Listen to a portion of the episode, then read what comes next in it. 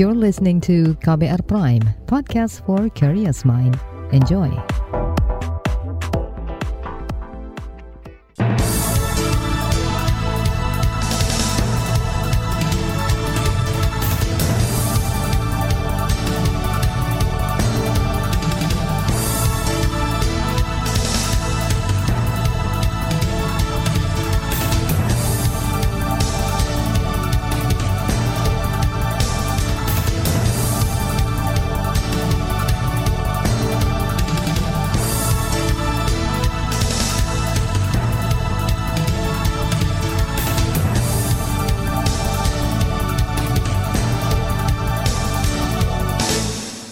Selamat pagi saudara, senang sekali kami bisa menjumpai Anda kembali melalui program Buletin Pagi edisi Senin 8 Agustus 2022.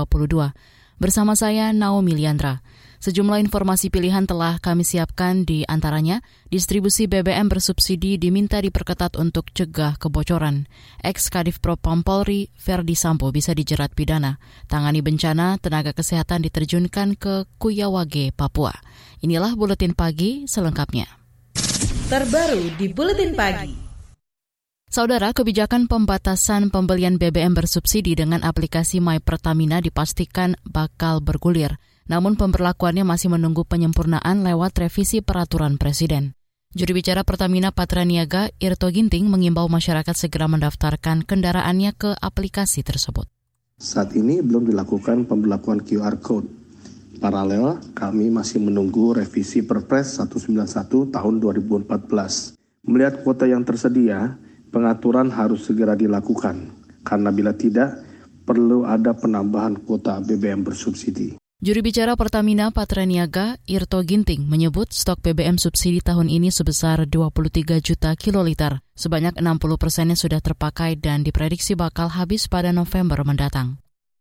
Jika tidak ada pembatasan, maka subsidi harus kembali ditambah yang ujungnya bakal membebani APBN. Saudara, pekan lalu Presiden Joko Widodo juga menyinggung besarnya anggaran subsidi energi yang digelontorkan pemerintah di tengah krisis global. Menurut Jokowi, jika harga energi khususnya BBM dibiarkan melambung mengikuti harga dunia, maka gelombang protes akan bermunculan. Di lain pihak, jika subsidi dilanjutkan, maka APBN akan semakin tertekan.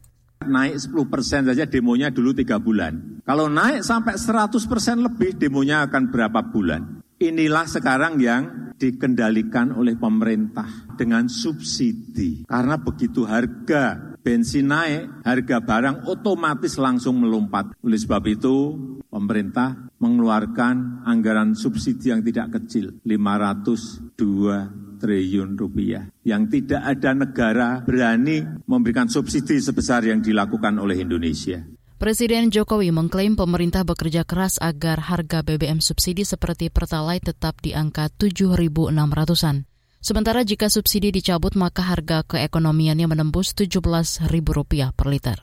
Sementara itu, staf khusus Menteri BUMN Arya Sinulinga menyatakan subsidi BBM belum tepat sasaran. Pasalnya 80 persen subsidi masih dinikmati masyarakat menengah atas.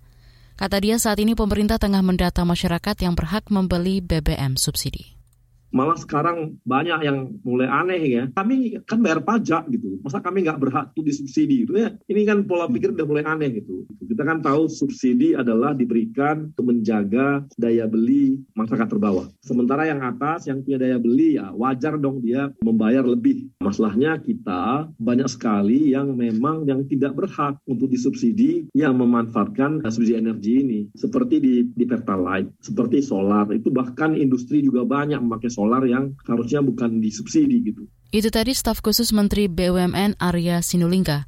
Penambahan revisi Perpres tentang ketentuan BBM subsidi dinilai terlalu lama oleh anggota Komisi Energi DPR Mulyanto. Kata dia, sikap ini memperlihatkan bahwa pemerintah menganggap sepele masalah kebocoran subsidi.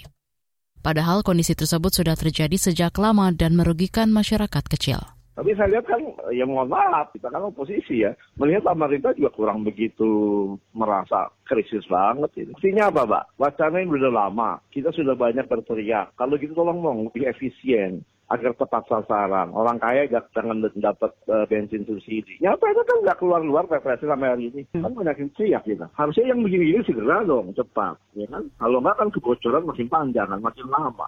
Anggota Komisi Energi DPR Mulyanto menambahkan, konsumsi BBM subsidi harus dibatasi agar mengurangi tekanan pada APBN. Politikus PKS ini juga meminta pemerintah efisien mengelola anggaran di tengah krisis global. Apalagi ada proyek-proyek besar yang harus didanai, seperti kereta cepat dan ibu kota Nusantara.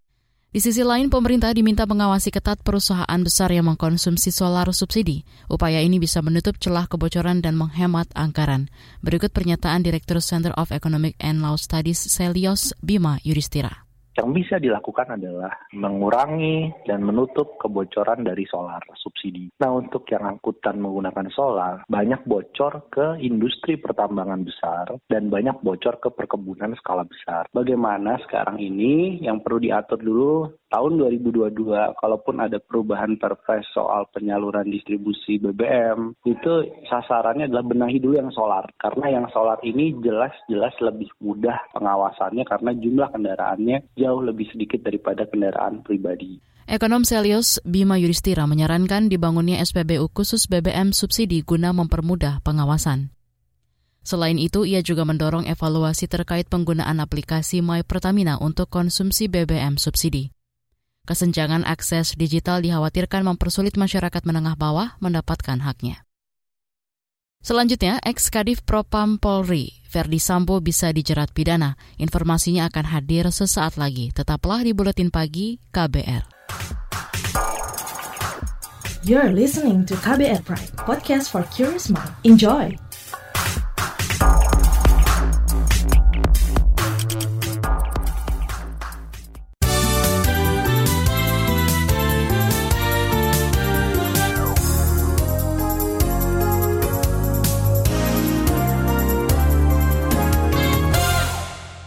Anda sedang mendengarkan Buletin Pagi KBR. Saudara, momentum lebaran menjadi penyelamat ekonomi Indonesia pada triwulan kedua 2022 yang tumbuh 5,44 persen secara tahunan.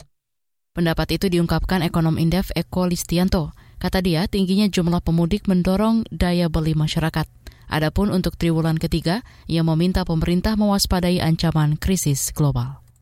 Mengatasi persoalan inflasi, yaitu tren inflasi kita meninggi, ini saatnya untuk uh, juga pemerintah untuk mulai itu ya lebih kuat lagi gitu ya mencoba untuk menahan inflasi supaya tidak menggerogoti daya beli masyarakat karena itu pasti nanti kenanya dikonsumsi. Yang kedua belanja pemerintah ini sudah pasti ya tadi dua kali berada di zona merah jangan sampai triwulan 3 dan 4 juga masih negatif begitu sehingga kita dorong pemerintah untuk lebih ya belanja tapi juga jangan hanya asal belanja ya tetap harus mempertimbangkan aspek efektif, efisien dan manfaat. Ekonom Indef Eko Listianto menambahkan sektor dominan seperti industri pertanian dan perdagangan mesti ditingkatkan untuk bisa membuka banyak lapangan kerja. Ia meminta pemerintah menjaga pasar mitra dagang utama dan mendorong ekspor ke pasar-pasar potensial baru guna mempertahankan surplus neraca perdagangan. Kita ke informasi hukum.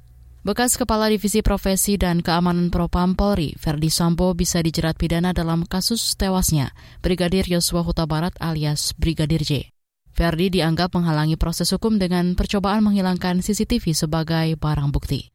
Menurut Ketua Indonesia Police Watch Sugeng Teguh Santoso, tindakan Verdi sudah melanggar pasal 221 Jungto pasal 233 KUHP. Yang ancaman hukumannya 4 tahun, ya, ancaman hukuman 4 tahun. Sehingga sebelum pokok perkaranya terkait dengan kasus dugaan mati uh, pembunuhan terhadap Brigadir Polisi Yosua disidik lebih lanjut, maka kepada uh, pada Irjen Verdi Sambo bisa ditetapkan lebih dulu sebagai tersangka kasus apa obstruction of justice Ketua IPW Sugeng Teguh Santoso berpandangan bukti-bukti yang diperoleh penyidik sudah cukup untuk menetapkan Sambo sebagai tersangka.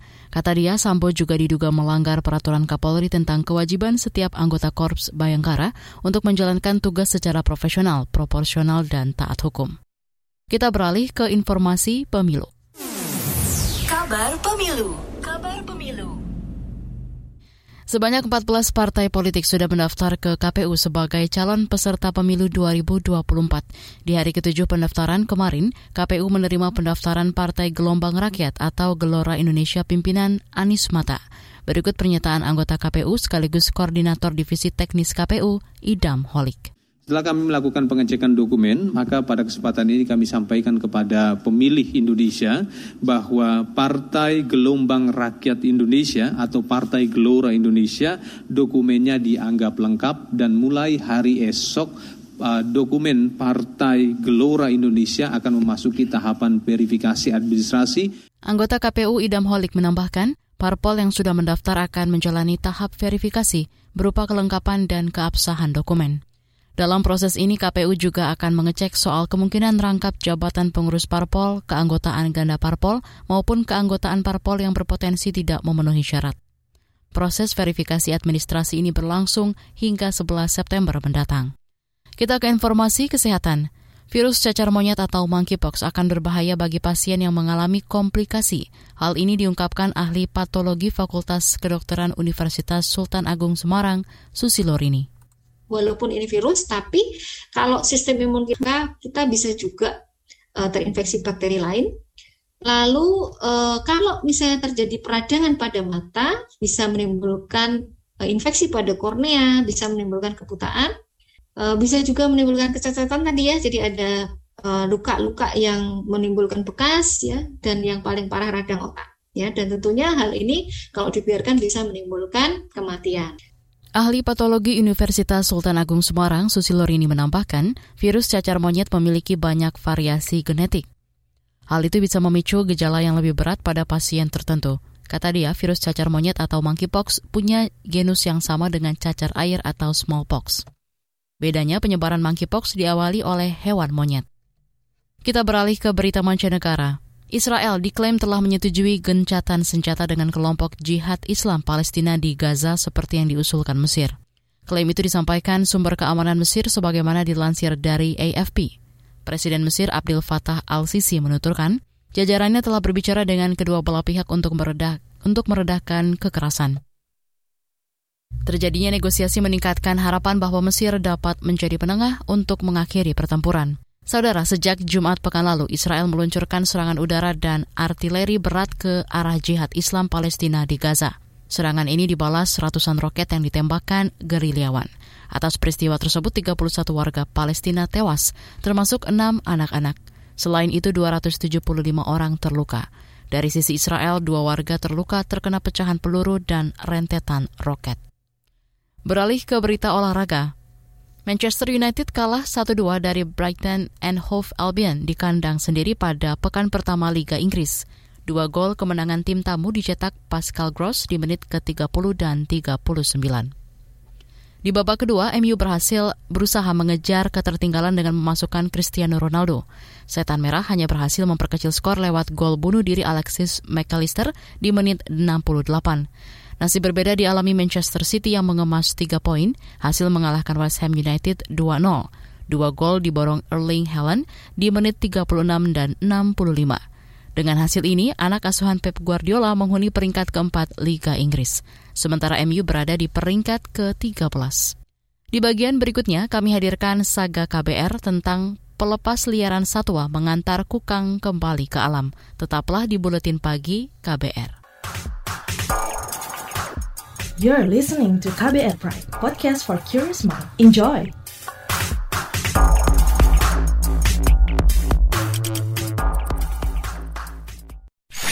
Commercial break. Commercial break.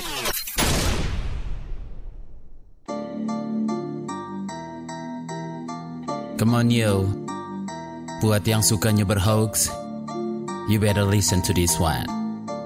Check this one out yo. Hati-hati kalau baca kabar hoax. Jangan langsung disebar kabar yang hoax. Kalau mau tahu kabar benar atau hoax, dengerin cek fakta yang pasti bukan hoax. Dengerinnya setiap Senin yang jelas bukan hoax. Cuma ada di kbrprime.id dan aplikasi podcast lainnya. Hoax. Sudah cukup-cukup hoaxnya? Hoax. Cukup. Jaga emosi, tahan jari, verifikasi sebelum dibagi. Saya Aribo Sasmito, Ketua Komite Pemeriksa Fakta Mafindo. KBR Prime, podcast for curious mind.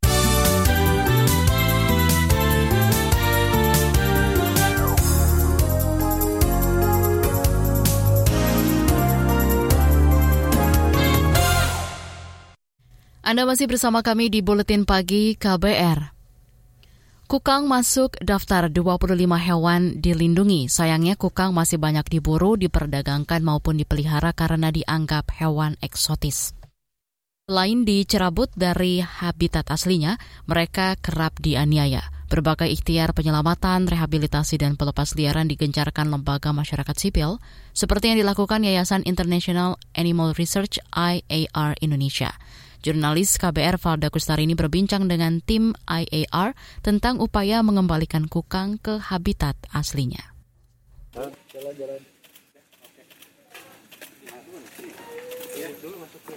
Jelang pukul 8 malam, aktivitas di kantor International Animal Rescue IR Indonesia di Ciapus, Kabupaten Bogor, Jawa Barat masih padat. Beberapa perawat satwa memindahkan tiga kandang aluminium ke dalam mobil. Enam ekor kukang siap dibawa ke hutan lindung Batu Tegi, Lampung untuk dilepas liarkan.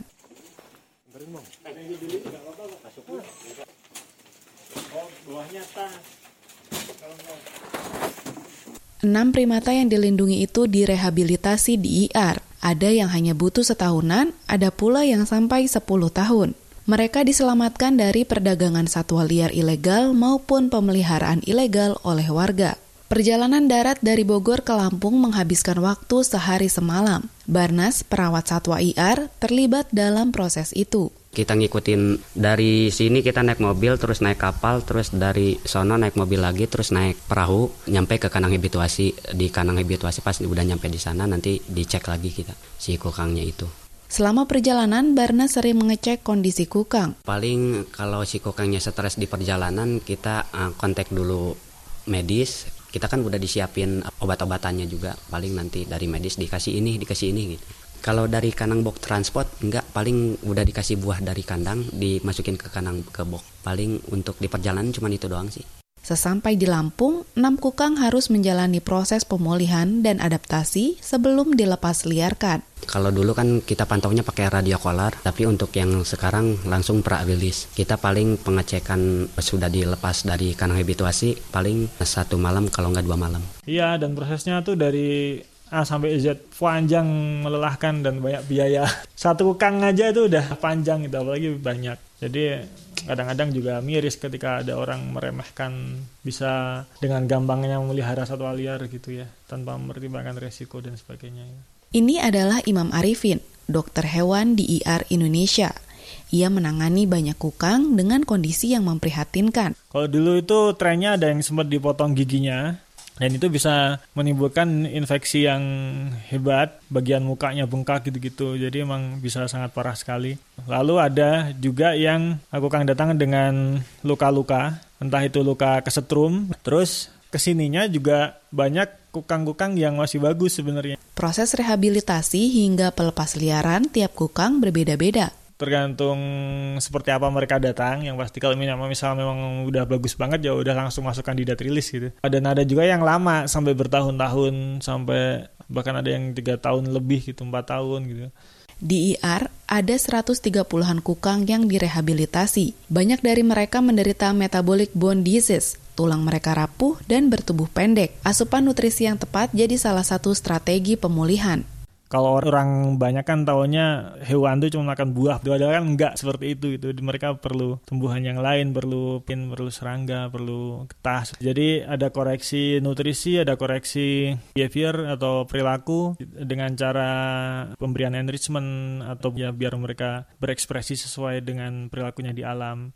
Kukang siap dikembalikan ke alam bebas jika sehat fisik dan mental. Indikatornya jelas bebas dari penyakit ya. Terus dari hasil hasil observasi dia menunjukkan angka normal dia angka normalnya cenderung tinggi lah gitu dalam artian dia aktif di malam hari lalu bisa mencari makanan lalu masih menunjukkan agresivitasnya seperti itu. Bakal habitatnya pun disurvei sebelum pelepas liaran. Survei itu meliputi entah itu vegetasi, entah itu lingkungan, entah itu masyarakatnya, lalu carrying capacity atau kapasitas habitat itu tersebut untuk menampung jumlah kukang ini sendiri gitu-gitu.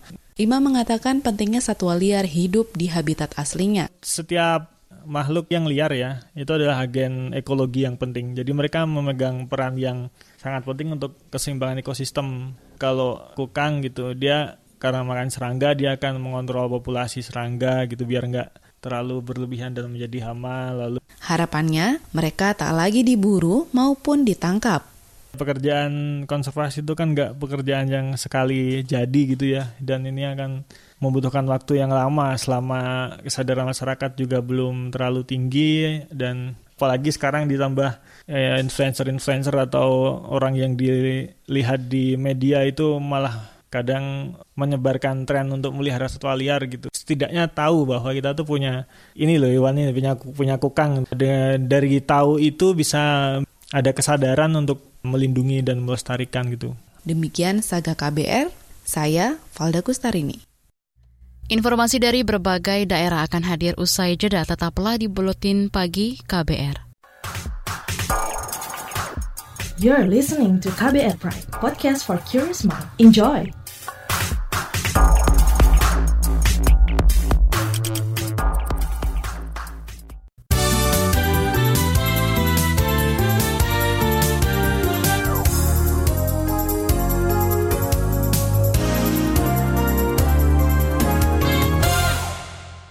Inilah bagian akhir buletin KBR. Saudara penjabat Bupati Lanijaya Papua Petrus Wakerkwa menyatakan bakal mengirimkan obat-obatan dan tenaga kesehatan ke distrik Kuya Wage. Bantuan ini dalam rangka penanganan dampak hujan es yang menyebabkan gagal panen. Akibatnya warga kelaparan dan terserang penyakit berapa kepala distrik ada di daerah ini, jangan tinggalkan Kuya lagi.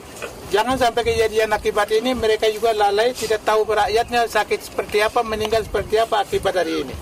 Mereka harus di tempat jaga. Makanan habis, obat kurang, apa-apa kurang, harus segera selalu lapor. Besok pakai pesawat bikin posko di sebelah. Penjabat Bupati Lanijaya Petrus Wakerkwa menambahkan, nakes akan diterjunkan ke Kuyawage secara bergantian untuk menangani 540-an keluarga. Sebelumnya Pemprov Papua telah mengirim 1,2 ton bahan pangan ke Kuyawage. Dana sebesar 200 juta rupiah juga telah dikucurkan ke Pemkap untuk penanganan bencana.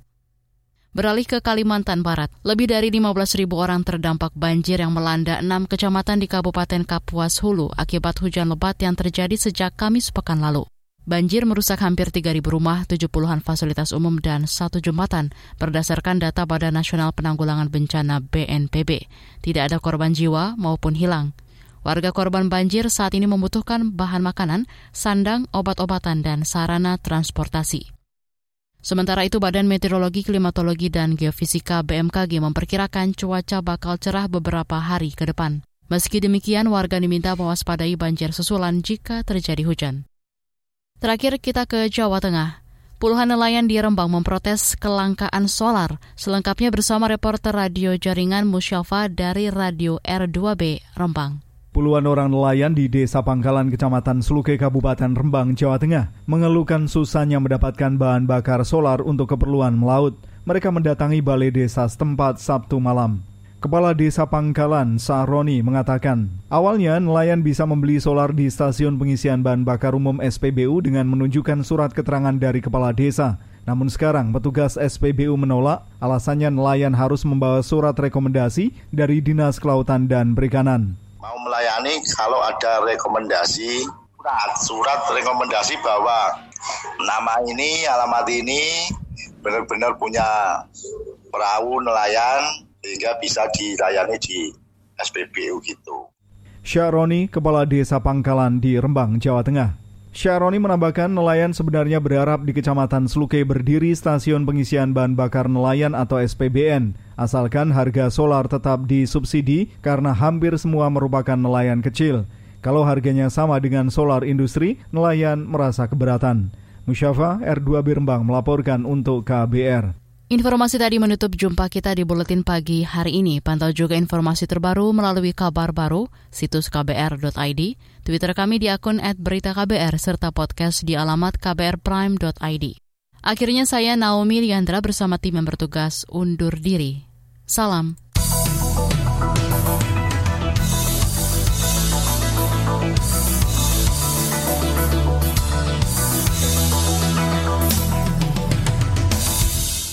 KBR Prime, cara asik mendengar berita. KBR Prime, podcast for curious mind.